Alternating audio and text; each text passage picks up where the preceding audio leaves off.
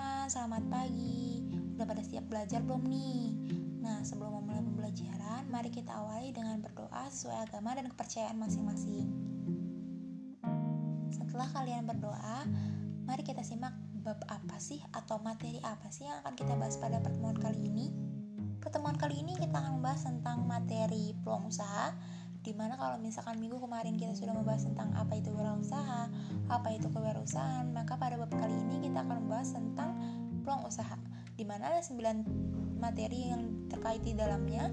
Yang pertama yaitu pengertian peluang usaha, analisa peluang usaha, persiapan peluang usaha, tujuan analisa peluang usaha, keberhasilan dan kegagalan usaha, manfaat peluang usaha secara kreatif dan inovatif, jenis-jenis inovasi, sumber peluang usaha, dan yang terakhir pendekatan analisa peluang usaha jangan takut kalau misalkan Spotify ini akan bakal panjang gitu ya karena kita akan membahas sedikit atau kita akan membahas tentang lima materi. Yang pertama kita akan membahas tentang pengertian peluang usaha. Kalian itu berpikir gak sih sama kayak saya? Kalau saya tuh mikirnya peluang usaha tuh kayak oh ini duit loh. Oh ini cuan loh. Dikit lagi kita dapat cuan kayak gitu. Tapi sementara kalau misalkan untuk pengertian secara umum yaitu suatu kesempatan yang dimiliki oleh seseorang untuk mencapai tujuan yang hendak dicapai dengan sumber daya yang dimiliki. Lalu bagaimana sih peluang usaha yang baik? Yang pertama yaitu orisinil, yang kedua mengatasi perubahan persaingan dan kebutuhan pasar. Jangan lupa loh kalau misalkan usaha itu harus memberikan permintaan dari konsumen. Yang ketiga sesuai dengan minat. Yang keempat kelayakan usaha teruji yang kelima bersifat ide kreatif, yang keenam ada keyakinan untuk mewujudkan, terakhir rasa senang saat menjalankan. Ketika usaha tersebut sesuai dengan minat dan hobi kalian, maka kalian dengan senang hati menjalankan walaupun ada beberapa masalah yang akan dihadapi tapi terasa berat gitu ya misalkan tapi itu kayak oh ya udahlah karena ini udah minat atau hobi kalian kayak gitu Nah, selanjutnya yaitu kita akan membahas tentang analisis peluang usaha di mana pengertiannya yaitu suatu analisis untuk mengetahui berbagai kemungkinan dari berbagai macam kesempatan usaha, usaha mana nih yang bisa dilakukan dan bisa memberikan keuntungan dengan berbagai tingkat risiko yang akan dihadapi. Untuk dapat menggali dan memanfaatkan peluang usaha, seorang wirausaha harus dapat berpikir secara positif dan kreatif di antaranya yang pertama, percaya dan yakin bahwa usaha tersebut dapat dilaksanakan.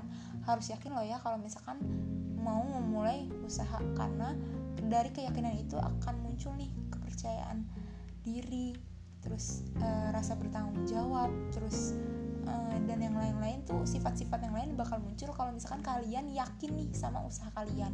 Yang kedua, mau menerima gagasan atau ide baru karena produk atau pasar itu tidak hanya stuck di situ saja, tetapi banyaknya kayak uh, teknologi-teknologi yang datang kayak gitu kan bakal bisa nih kayak yang tadinya cuma jualan mie doang terus abis itu jadinya kayak sekarang ada misalkan ada spaghetti terus misalkan kayak ada pasta dan lain-lain gitu. Misalkan kayak makanannya bukan hanya satu aja gitu misalkan kayak kita makan nasi nasi putih doang gitu. Tapi kan sekarang kayak ada nasi goreng terus nasi tim nasi uduk walaupun emang kayak um, misalkan kalian berpikiran itu kayak simple tapi karena adanya bumbu-bumbu yang baru atau adanya ide-ide dari yang kayak oh ini bisa nih campurin kayak gini oh ini bisa nih rasa-rasa baru kayak gitu yang ketiga memiliki semangat kerja yang baik yang keempat, mampu berkomunikasi dengan baik, bertanya pada diri sendiri, mau mendengarkan saran dari orang lain. Nah, selanjutnya yaitu ada persiapan peluang usaha, di mana kalian yang pertama yaitu meneliti luas usaha yang dipilih. Kayak misalkan kalian tuh konsumennya cuma perempuan aja atau laki-laki aja, atau kalian tuh mau semua all gender, all usia, misalkan kayak gitu.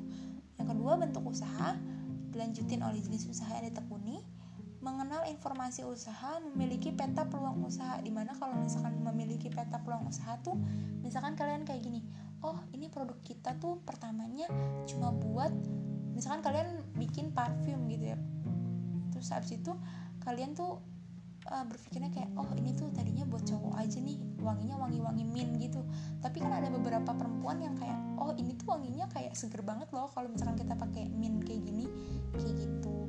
Jadi kalian memiliki peta peluang usaha oh ini bisa nih dijual buat usaha buat uh, usaha yang lain atau bisa dipergunakan untuk usaha yang lain kayak gitu. Selanjutnya ada tujuan analisis peluang. Yang pertama yaitu menemukan peluang usaha. Yang kedua menemukan potensi usaha yang ketiga mengetahui besarnya potensi usaha yang keempat mengetahui berapa lama usaha bertahan kayak gitu kalau misalkan untuk faktor keberhasilan wirausaha yang pertama itu ada faktor manusia di mana ada tiga faktor yang pertama yaitu kepribadian atau karakter seseorang sangat menunjang keberhasilannya. Karakter bisa bawaan dari lahir namun bisa juga dilatih secara terus-menerus. Kemauan keras untuk berubah dan lingkungan sangat berpengaruh bagi pembentukan karakter. Kedua yaitu ilmu pengetahuan karena ilmu itu membantu kita dalam menghadapi berbagai persoalan. Dalam mengelola usaha seorang wirausaha dihadapkan dengan berbagai macam kondisi. Yang ketiga, pengalaman yang dimiliki. Seperti kata pepatah, pengalaman adalah guru terbaik nih bagi kita. Kita bisa belajar dari pengalaman diri sendiri maupun pengalaman orang lain.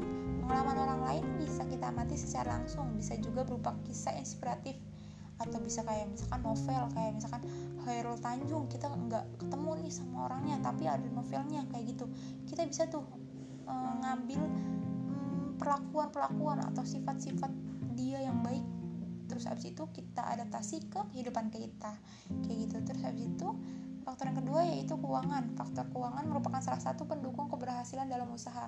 Tanpa adanya modal, usaha tidak mungkin bisa berjalan.